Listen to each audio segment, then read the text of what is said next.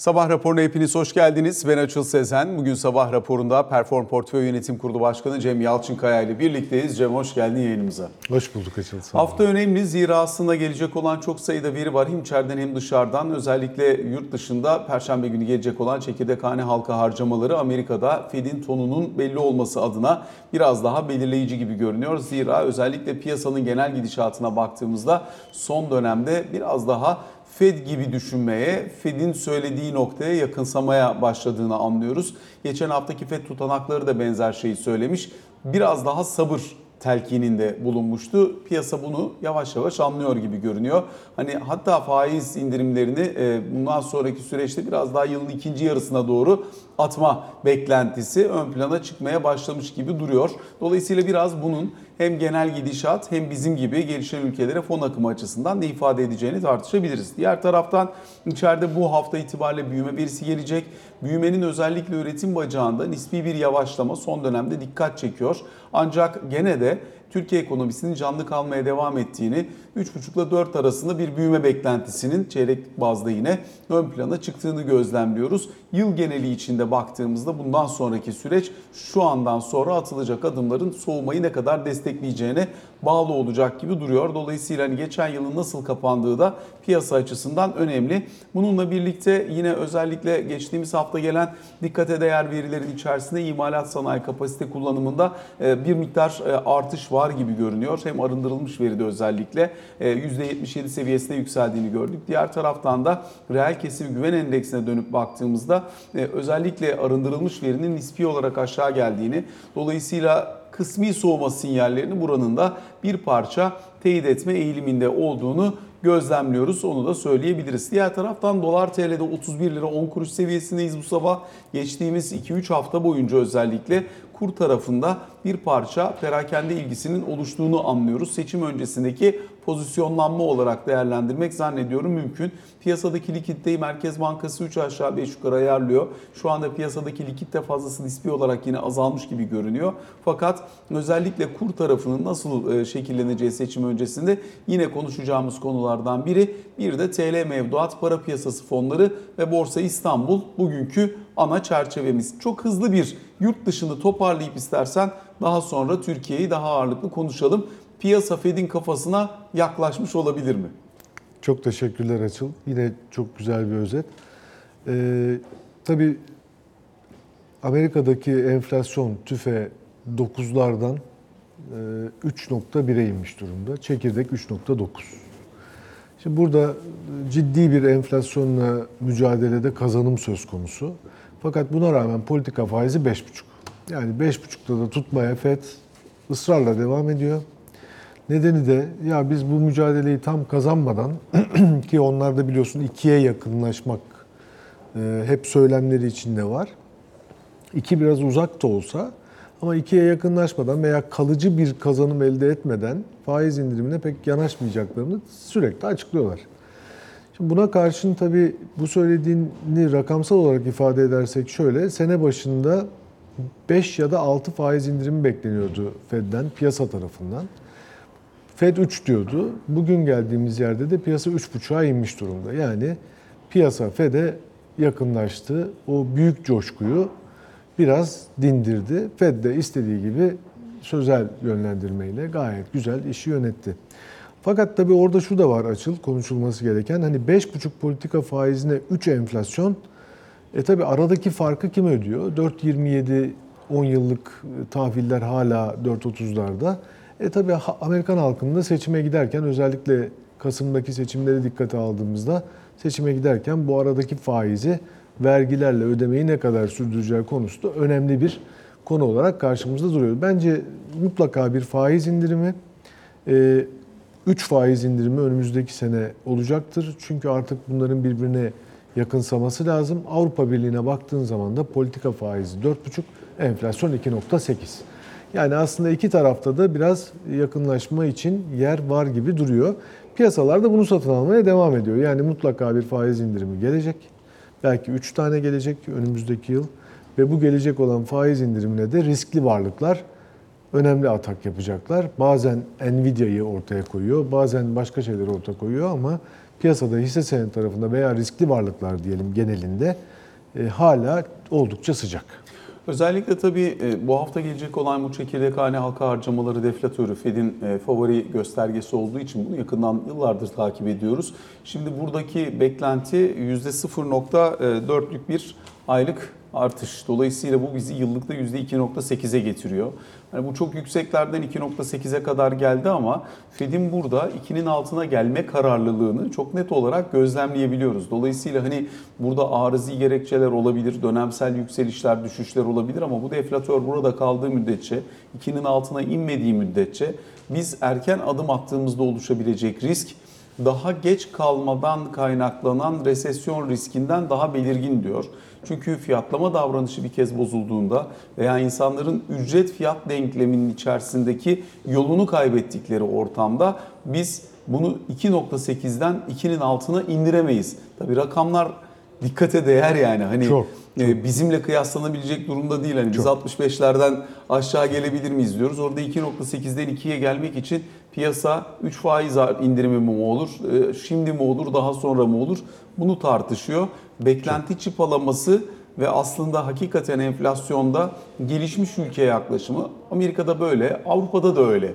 E, Dolayısıyla bunun ne kadar değerli olduğunu bir kez daha gösteriyor herhalde. Evet, aynen öyle. Yani tabii ki e, çekirdek ve hani deflatör şu anda bakılan 0.4 beklenti olan ve 2.8'e yıllık gidecek olan gösterge çok önemli Fed için söylediğin gibi. Onu çok e, yakinen değerlendiriyorlar. Fakat kazanılmış bir enflasyonla mücadele var.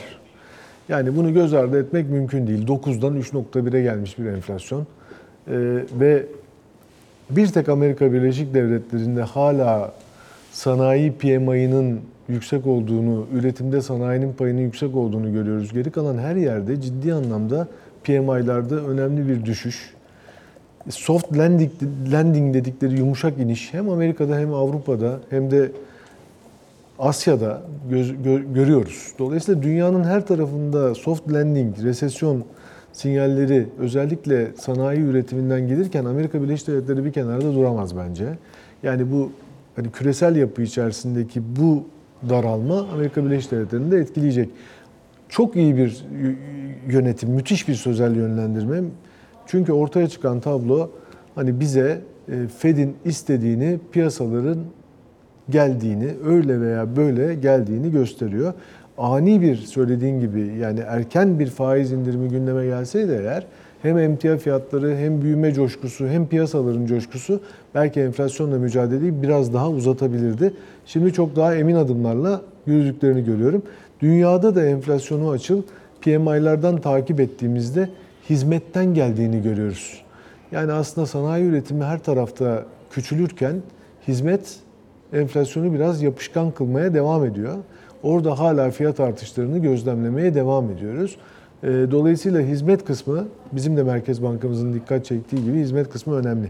O enflasyonu biraz daha yapışkan tutacak gibi. Dolayısıyla mücadelede tam gaz devam edecek gibi duruyor.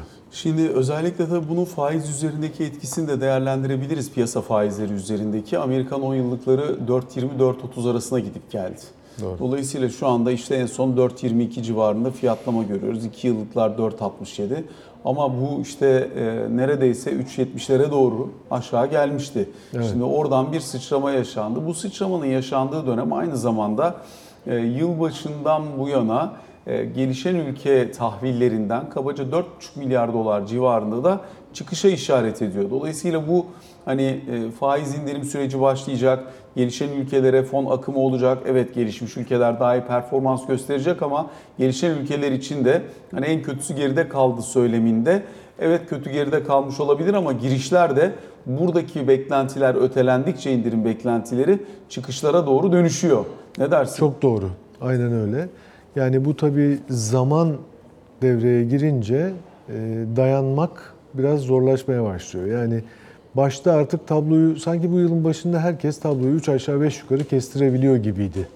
Söylediğin gibi faiz indirimi gelecek, Mart'ta gelecek diye söylemler vardı Amerika Birleşik Devletleri'nden. Hatta Avrupa Birliği daha erken davranabilir çünkü Almanya çok iyi gitmiyor. Durum orada oldukça hani soft landing, yumuşak iniş hikayesinde Almanya aslında biraz sırıtıyordu. Dolayısıyla iki tarafta da bir faiz indirimi gelecek ve riskli varlıklara atak çok hızlı olacak diye bekleniyordu. Sene başında aslında baktığı zaman bir ekonomist bu tabloyu daha kolay yorumlayabilirdi. Mart'ta faiz indirimi gelecek, riskli varlıklara gidilecek. Gelişmekte olan ülkelere dolayısıyla hani riskli varlıklar deyince önemli ölçüde o da ortaya çıkıyor. Oraya fon akışları oldukça fazla artacak. Dolayısıyla gelişmekte olan ülkeler için aslında pandemi öncesinde kalan döneme doğru bir e, gidiş tekrar söz konusu olacak diye bekleniyordu. Fakat araya zaman girdi. 6-5-6 faiz indirimi beklentisi 3,5'lara evrildi. Dolayısıyla bu zaman içerisinde de biraz piyasa o coşkuyu dindirdi. Aslında Fed'in yapmak istediği de tamamen bence buydu. Son derece başarılı bir şekilde e, oluyor. Evet, gelişmekte olan ülkelere, gelişen ülkelere fon akışları biraz daha zaman istiyor gibi duruyor artık. Bunu biraz bizim tarafımızda da e, birleştirerek götürelim istersen. Çünkü özellikle tabii fon akımlarının yavaşladığı ortamda bizim tarafa dönük ilginin de belli ölçüde azaldığını anlıyoruz. Özellikle offshore'da bir miktar Türk lirası lehine açılmış olan hesapların azalması, yerel bonoya ilginin nispeten daha sınırlı kalmaya devam etmesi ki orada zaten getiri eğrisinin ne kadar verimli olduğunu yabancı yatırımcının doğrudan girişi için daha önceki dönemde de tartışmıştık seninle. E, o nedenle biraz bu TL pozisyonlanması üzerine özellikle bu fon akımı e, bahsi çerçevesinde ne dersin, ne düşünürsün? Şimdi politik yani bizde tamamen değişen bir para politikası var. Ve bu değişen para politikası tabii yabancıya veya portföy akımlarına cazip gelmeye başladı. Fakat son açıklamalarda da görüyoruz. Yani Merkez Bankamız diyor ki TL değerli seyretmeye devam edecek. Enflasyon geçişkenliğinden dolayı. Çünkü enflasyonu öncelediler artık. Bu da yabancının elini güçlendirecek bir şey. Yani ben bu ülkeye girersem Türk lirasının değerleme, değerlenme sürecinde ben buradan da bir artı yazarım. Bir de diğer ülkelerden farklı olarak faizimiz yükseliyor, yüksek. Yani 45 politika faizi var. 2 yıllık ta benchmark bonoya baktığın zaman 43,5 hani o civarda seyrediyor. Dolayısıyla yabancı için cazip. Fakat e, henüz o akım başlamadığı için, globalde o akım başlamadığı için belki biz ben yine de Türkiye'yi bu toplam gelişen ülkeler pazarında şanslı bir yerde görüyorum. Çünkü politika değişikliğiyle yatırım bankalarının da ilgisini tekrar çekmiş durumda Türkiye ve bu para politikasını uygulamakta da son derece ısrarlı ve e, net açıklamalarını ortaya koyan bir Türkiye var.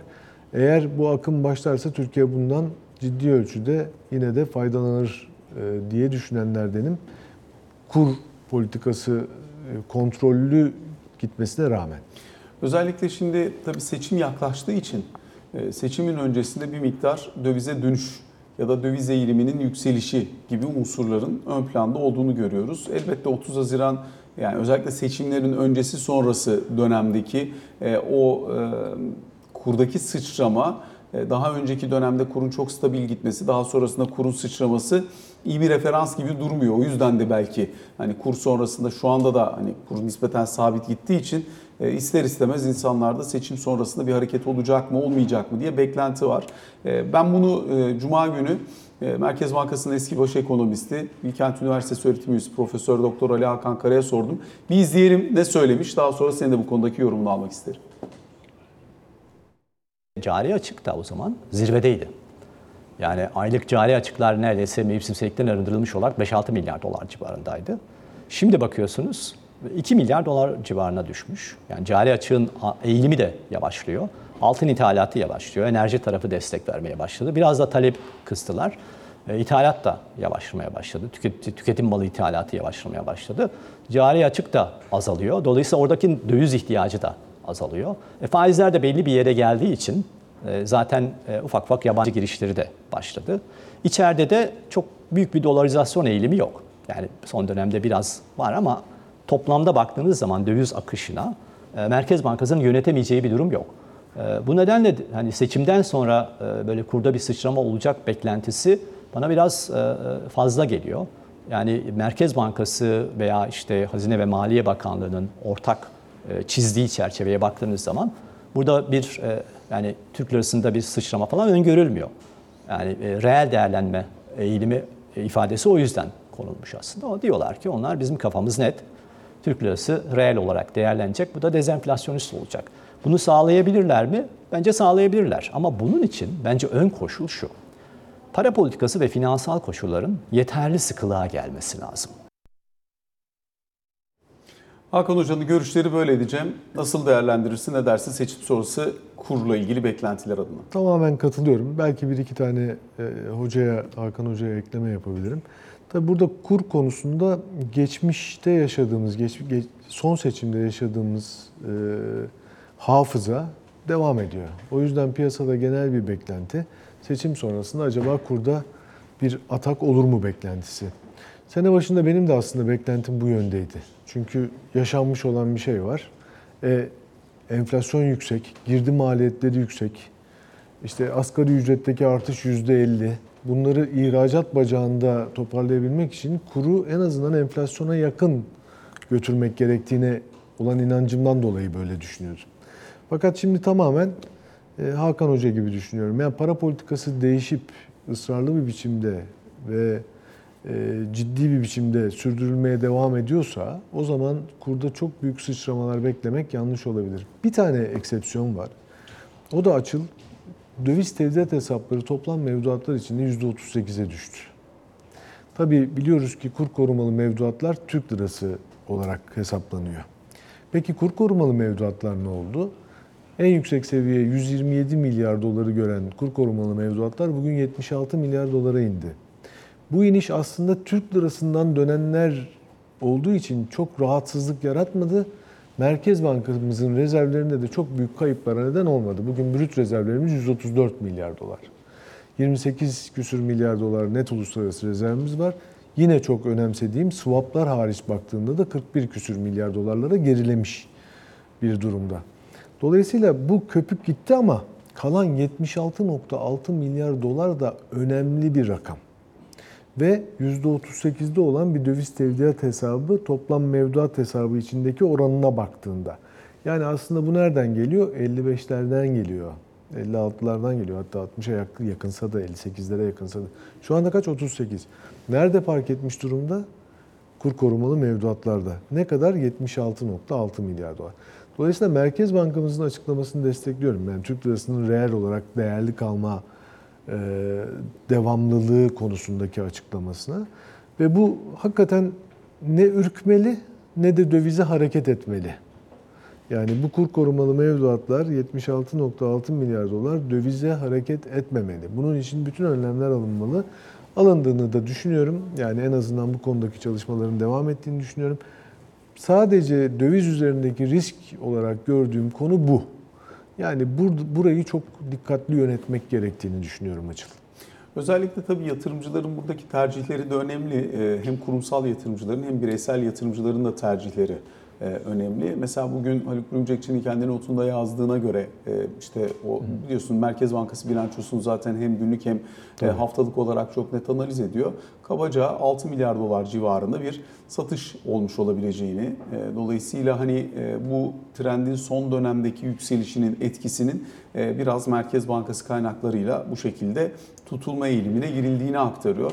Seçime kadar zaten rahatlıkla yönetilebilir gibi duruyor. Bu tarafta çok bir problem olmasını herhalde hiç kimse beklemiyor. Çünkü zaten Merkez Bankası'nın döviz likiditesini sağladığı bir ihracatçı döviz girişi düzenli olarak var. Kabaca %40 e, işte e, oradan baktığın zaman da bunun yıllık ortalaması da 8 milyar dolara falan geliyor aylık. E, Hani aydan aya değişir tahsilata göre vesaire ama döviz likiditesi problemi çok net olarak yok. Hani onu söyleyebiliriz herhalde.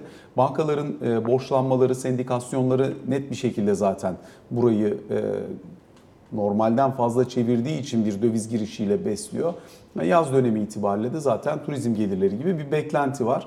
O nedenle hani e, dönemsel bir sıkışma mıdır bu? Çünkü biz seçimlerden önce, Haziran seçimlerinden önce de görmüştük. 16-17 milyar dolar civarında bir e, dövize dönüş hatta Türkiye'den çıkış olmuştu. Seçim sonrasında bunun e, geri geldiğini görmüştük örneğin. Benzer bir şey mi bekliyorsun? E, Çünkü hani biraz hakikaten e, perakende döviz talebi oluşmaya başlamış gibi görünüyor. Evet onu görüyorum ama bu hani seçim sonrasında o geçmişte yaşadığımız tecrübenin bu seçimde de acaba uygulanır mı uygulanmaz mı benzer bir durum beklentisinden kaynaklandığını düşünüyorum ama şartların çok farklı olduğunu görüyorum.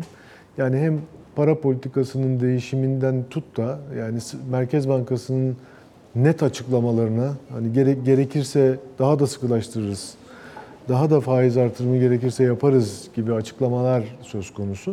Yani o gün e, 8,5 politika faizi vardı, bugün 45. çok farklı yani. O gün spot kurla bankalar arasındaki kur farkı 10 puana kadar çıkmıştı. Tabii. Yani ikili kura doğru gitmek zorunda kalmıştık. Ayrıca döviz üzerinde muazzam kontroller vardı. Yurt dışına döviz göndermek neredeyse imkansız hale gelmişti. Yani o günün e, stresi ve tansiyonu artı o politika bileşiminin bizi taşıdığı yer ve onun getirdiği, dayandırdığı sınırla bugün arasındaki farkı aktarmaya çalışıyoruz açıkçası. Çok, yani Ama çok farklı. ister istemez beklenti seçim öncesinde bir siyasi gerginlik, biraz belki ideolojik bakış açısı bunları getiriyor olabilir. Doğru. Ben hani bunun limitli kalacağını düşünüyorum açıkçası. Yani çünkü seçimin nevi de farklı. Biri genel seçim, biri yerel seçim. Yani her şey çok farklı. Dolayısıyla ben bu döviz talebinin sınırlı kalacağını, çok büyük bir etki yaratacağını düşünmeyenlerdenim. Yani böyle bir anormal bir sıçrama falan. Zaten öyle anormal sıçramanın artık olma olasılığını da oldukça düşük görüyorum. Çünkü para politikası değişti. Ve süreklilik arz eden bir para politikası haline geldiğini varsayarak bunu söylüyorum. Dolayısıyla hani öyle çok büyük bir atak olacağını e, düşünmüyorum. Fakat yine dikkat çekmem gereken yer şurası ki bu kur korumalı mevduatlar iyi yönetilmeli ve Türk lirası e, reel anlamda e, değer kazanımını belki aradaki marj biraz azalır ama reel kazanımını sürdürmeli diye düşünüyorum. Türkiye'nin geneline baktığın zaman aslında business olarak, açık iş olarak 250 milyar dolar ihracat yaparız kabaca, 350 milyar dolar ithalat yaparız. E, bu sene çok iyi arttı turizm. Maşallah hani 50 milyar dolar civarında da turizm söz konusu olur. Hani aslında öyle çok büyük bir açık yok. Bir 40 de biraz milyar dolar civarında bir açık, bir açık finanse var. etmek zorundasın. Yani finanse etmek zorunda olduğun açık öyle çok büyük bir açık değil. Ya 1.1 trilyon dolarlık bir ekonomi için büyük değil. Evet. Fakat işte hani hep konuştuğumuz Egecan Sen hocanın da hep söylediği, Sayın Egecan Sen'in hep söylediği yani bu çift para birimli bir yapı var.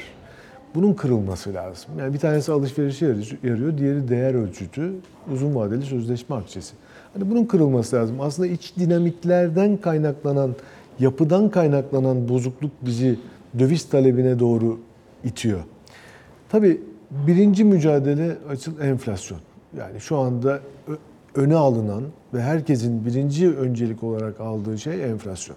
Çünkü herkes mutsuzlaşıyor. Yani hayat pahalılığı herkesi mutsuzlaştırıyor. Yani bu çalışanından tut da açıl sanayi üreticiye kadar kar edemiyor, kredisini ödeyemiyor. Öbür taraftan tamam zammı yıl başında alıyor ama hızla eridiğini görüyor. Yani 6.7 Ocak ayında enflasyon var. Bak Şubat ayındaki beklenti 3.5'lar civarında. Yani bunu bir an evvel tabii e, belini kırmak için hem ekonomi yönetimi, kamu, hem bürokrasi hem de piyasa hep birlikte tabii tek arzuladığımız ve hızlı bir biçimde savaşı kazanmayı hedeflediğimiz aynı Batı gibi, Amerika Birleşik Devletleri gibi, Avrupa Birliği gibi. Onlar şimdi minör farklardan bahsediyorlar ama bizim farkımız majör hala. Yani bizim onu bir an evvel bir rayına koymamız lazım. O yüzden de kur geçişkenliği önemli. E, kura büyük bir atak beklemiyorum. Çünkü artık para politikası değişti. Geçmişe, iyice geçmiş hafızamızı sorgulayacaksak uzun yıllar biz yüksek faizle kurla mücadele eden bir ülke olduk. Kur hiç çok yukarı gitmedi. Belki bu- bunun öncesindeki 20 senede Türk lirası her zaman kazanır oturmuştu. Artık ne olursa olsun Türk lirası kazanır oturmuştu. Çünkü faiz artarak gerekli seviyeyi yakalar nasıl olsa diye bilinen bir para politikası vardı. Son belki 8 senede bu çok değişti. Umarım tekrar eski yapısına döner. İki şey var döviz konuşurken. Bir tanesi ekonominin toplam döviz ihtiyacı. Biraz önce Hakan Hoca da söylüyor. Sen de çok güzel anlattın. Yani e, işte cari açığın işte aylık 2-2,5 milyar dolarlara doğru gerilediği. Dolayısıyla aslında bunun e, ekonominin sıcaklığı soğukluğu tartışması iç talep üzerinden ithalat kanalı üzerinden nispi bir baskı yaratabiliyor ama e, bu da hani en fazla 2-2,5 milyar dolarlık bir cari açığa bizi itiyor. Dolayısıyla yönetilebilir gibi duruyor. Ekonominin döviz ihtiyacı. Dolayısıyla kurun değer kaybetmesi için ya ekonominiz çok sıcak olacak, ithalat çok yüksek olacak, bundan kaynaklanan bir maliyet artışı olacak. Ya arızi koşullar başta enerji fiyatları olmak üzere sizi çok zorlar durumda olacak. Ya yurt dışındaki yatırımcıların elinde sizin para biriminiz çok yüksek olacak çok yüksek miktarda olacak ve o miktardaki parayı sizdeki potansiyel bozulmalara karşı açığa satma imkanı bulunacak. Bunların üçü de şu an itibariyle yok. Dolayısıyla içerideki kurumsal ve bireysel talep haricinde aslında burada kuru zorlayacak ya da zedeleyebilecek çok bir şey görünmüyor. Anladığımız kadarıyla son PPK metnindeki unsurlar da hani oradaki TL'de reel değerlenme beklentisi de risk alıyor Merkez Bankası. Normalde yok Kesin. böyle bir şey bugüne Tabii. kadar. Tabii. Yani dolayısıyla bu ilk defa giriyor Evet. o metnin içerisine. Risk alarak söylüyorlar ve diyorlar ki TL'de reel değerlenme. Mehmet Şimşek'in geçen hafta e, atmış olduğu tweette de seçim sonrasına ilişkin yani çeşitli spekülasyonlar var. Bunlara itibar etmeyin. Böyle bir şey yok diye kendilerinin e, iş devamlılığı konusundaki verdiği güvence de belki bu çerçeve içerisinde yazılabilir. Dolayısıyla hani bu yönetilmeye çalışılıyor gibi anlıyorum. Ne Çok dersin? doğru. Bir ek de buna şöyle hani bir yıldan kısa vadeli borcumuz aslında. E tabii o biraz yüksek yani 226 milyar dolar civarında. Fakat tabii yönetilebildiği sürece problem yok. Biz yönetebiliyoruz bunu. Ve iş- işin iyi tarafı CDS'ler geldi 284'e. Yani borçlanma maliyetlerimiz düşüyor. Türkiye iyiye gidiyor borçlanma ve vade uzuyor. Yani yurt dışın kaynaklı vade uzuyor. Yani bu sefer aslında küresel piyasalardan gelen e, akım bizim lehimize. Yani o- dönemde o da aleyhimizeydi. Yani faiz artışı olan, enflasyonla mücadele etmeye çalışan bir batı küresel piyasalar bu sefer o da lehimize açtı. Dolayısıyla onu da belki işin içerisine katarak değerlendirmek lazım. Hakan Hoca'nın söylediği şu da önemli. Gerekli sıkılaşma düzeyine gelmek lazım bunların rahat Çok yönetilmesi için diye. Ee, hani bu faizde ekstra bir şey midir? Yoksa likidite koşullarının netleşmesi midir? Parasal aktarım mekanizmasının güçlenmesi midir? Herhalde daha net yanıtı seçim sonrasında görme imkanı olacak. Ama bir sıkılaşma beklentisi piyasada ufak ufak belirmeye başlamış gibi görünüyor. Sıkılığın hissedilir olması beklentisi. Yoksa hani geçen hafta da söyledim 45 faizin 47 yani 45 faizle yapamadığını 47 buçukla veya 50 ile yapabileceğini bir garantisi yok aktarım doğru geçmiyorsa. Kesinlikle. Yani biz bu dönemle yüzleşmek zorundayız. Ne gerekiyorsa yaparım diyen de bir Merkez Bankası iradesi görüyoruz. Ve tutarlılığı görüyoruz. Bu çok önemli. E, bu tutarlılık ve irade de Merkez Bankası'na güveni arttırmaya başladı. Bu daha da önemli. Dolayısıyla ortadaki tabloda sıkılaşma gerekirse, biraz daha sıkılaşma gerekirse sıkılaşacak bir Merkez Bankası olduğunu düşünenlerdenim ben. Yani bu faizle yapılacaksa öyle. Miktarsal sıkılaştırmayla yapılacaksa öyle. Fakat tabii miktarsal sıkılaştırma şöyle bir soru getiriyor Açıl. Şirketler nezdinde baktığımızda birçok şirkette görüşürüz ikimiz de. E Peki bu seçim sonraki döneme ben şimdiden borçlanayım mı? Çünkü kredi bulmakta zorluk çekecek miyim yine? Ya da faizlerin tekrar yükselişiyle karşılaşabilir miyim? Uzun vadeli hazır bankalarda kredi vermeye başladılar. Faiz yine yüksek ama eskiye göre iyi. 3 yıllık kredi veren bankalar var. Kullanayım mı kullanmayayım mı? Tabii orada da ben hep şunu söylüyorum. açık- Sabit mi değişken mi? Sabit mi? Önemli değişken? olan o. Aynen. Çok doğru. Bir burada önemli olan şey şu tabii bir de benim e, bakışımda refinanse etme hakkım var BDDK gereği. Yani sen bugün kullandığın uzun vadeli krediyi yarın işler iyi giderse, faiz düşerse refinanse edebilirsin. Bu vadeye göre %2 veya %1 ödemek kaydıyla. Yani dolayısıyla miktarsal sıkılaştırma veya faiz artışının olma ihtimali olan bir döneme likidite açısından rahat girmek gerekir diye düşünenlerden. Yani bu söylediğin kısmı biz geçen haftadan bu yana işliyoruz. Bu hafta da bunu işlemeye devam edeceğiz. Şirketlerin yol haritası bu ortamda ne olmalı diye. Ee, Eğer bir likidite sıkışması ya da likidite sıkıştırması yoluyla piyasadaki paranın kontrolü de söz konusu olacaksa sen bugün itibariyle %55'lerde görüp beğenmediğin ve çok yüksek bulduğun için almadığın e, ya da almaktan imtina ettiğin likiditeyi yarın çok daha yükseğini verme e, bahasına bulamama olasılığını göze almalı mıyım diye soruyorsun.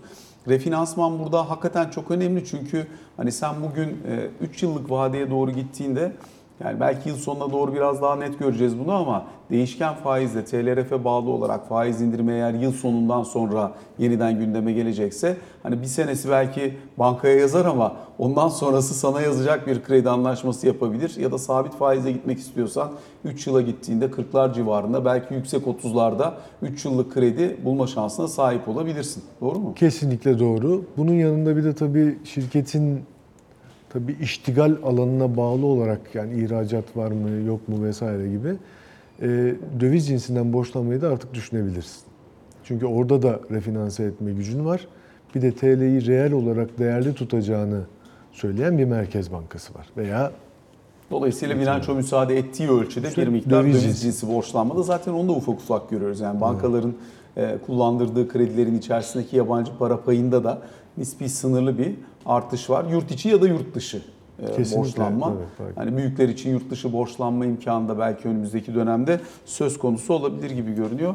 E, şirketlerin şu anki likidite durumunu nasıl görüyorsun? Yani şimdi tabii bunu söyleyen e, hani almalı mıyım almamalı mıyım diye imtina eden enflasyon çünkü sürekli şirket sermayesini yiyor. Yani istesen de yiyor, istemesen de yiyor. Dolayısıyla hani onu yediği ortamda eğer almalı mıyım diye düşünüyorsan geçen iki yıldan kalan bir sermaye tamponu var demektir. Herhalde onun düzeyine de bakmak lazım. Yüzde yüz tabii yani bu bir ihtiyaçsa ama ihtiyacı şöyle nakit akışlarına bakıyorsun tabii doğal olarak. Bu nakit akışları içerisinde nerede ihtiyacın olacağını çok net bir biçimde görebiliyor olman gerekir. Bir kere her şeyden önce bu. Yani Türkiye'de birçok şirketin nakit akışını çok sağlıklı görebildiğine inanmıyorum. Onu mutlaka sağlıklı görmek lazım. Birinci başlangıç bu. İkinci eğer bunu görüyorsan, nerelerde tıkanacağını da görüyorsan bugünden önlemini al. Alman lazım. Bir yerde sıkışıklık olacaksa. Çünkü ne yazık ki hep konuşuyoruz. Öz kaynak yabancı kaynak rasyosu bu ülkede %30'lar civarında açıldı. Yani biz hep krediyle, yabancı kaynakla dönüyoruz. E şimdi önümüzdeki dönemde bir sıkılaştırma ihtimali varsa al. Senin beklediğin olmaz işler iyiye giderse refinanse edersin. Bunu döviz cinsinden alabiliyorsan, öyle bir ihtimalin varsa bence benim bakışımda döviz cinsinden almakta sağlıklı artık. Yeter ki vade uzun olsun nefes al. 3 aylık kredilerden sıkıldık artık açıl. Yani 3 ayda nakit akışı mı döner? Yani vade uzayabiliyor artık. Hiç olmazsa vadeyi uzat, önünü gör. Yani bence zaman şu zamandır çünkü 3 yıllık krediler gündemde.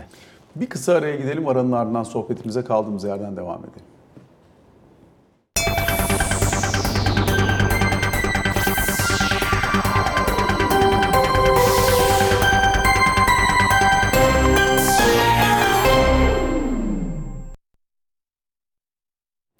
Sabah raporunun ikinci bölümünde Cem Yalçınkaya ile sohbetimizin son bölümündeyiz. Cem bu bölümde biraz TL varlıklar üzerine gidelim istersen. Mevduat faizi 50'lerin üzerine geldi Evet. ortalamada. Fakat düz TL mevduatta 45'ler civarı ancak var.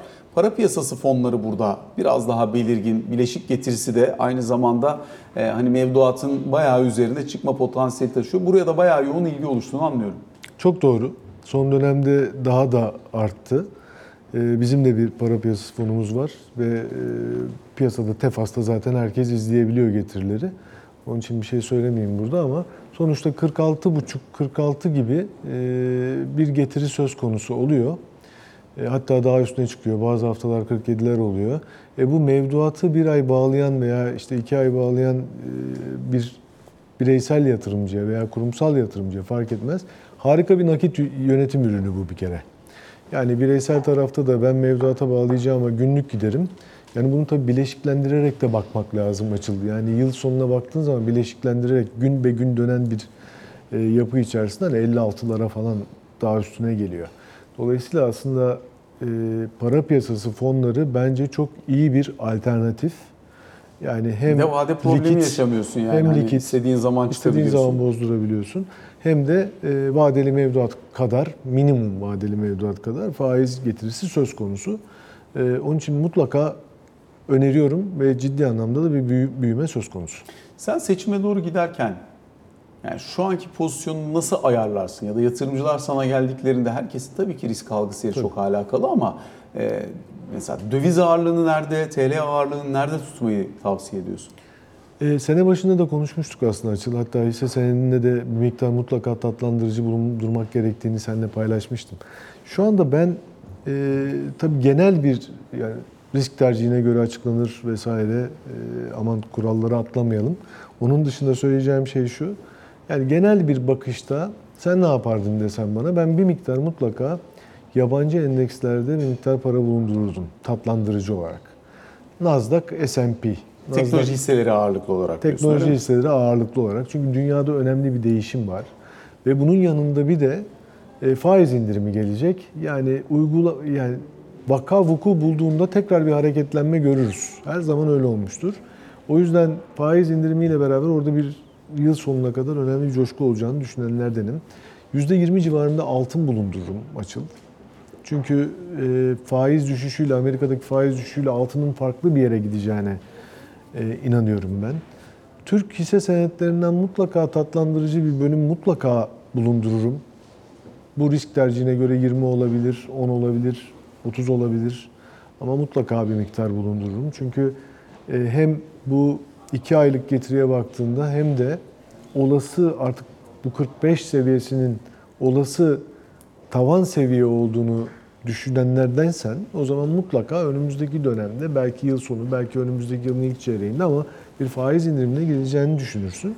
O zaman da e, hisse senedi pozisyonu bulundurman lazım. Bunun dışında da şunu söyleyeyim yani tabii paraya para kazanmak enflasyonist bir ortamda vadeli mevduatta veya para piyasası fonlarında belki limitlidir. Fakat bu tip tatlandırıcılarla yani hisse senedinde iyi kazanma şansın var. Onun için belli bir oranda risk almanda ben açıkçası fayda görürüm. Hani Türk lirası pozisyonu ağırlıklı tutarım. Ama her halükarda da bir %30 civarında da bir döviz pozisyonuna yer verirdim. E zaten hem Yani altın genel- dedin hem içine yabancı hisse koydun. Onlar zaten %30 döviz olarak aldığım zaman tutuyorsun. artık dövizi dışarıda tutuyorum. Dövizi spot mu tutmayı tercih edersin, vadeli mi eğer tutacaksın?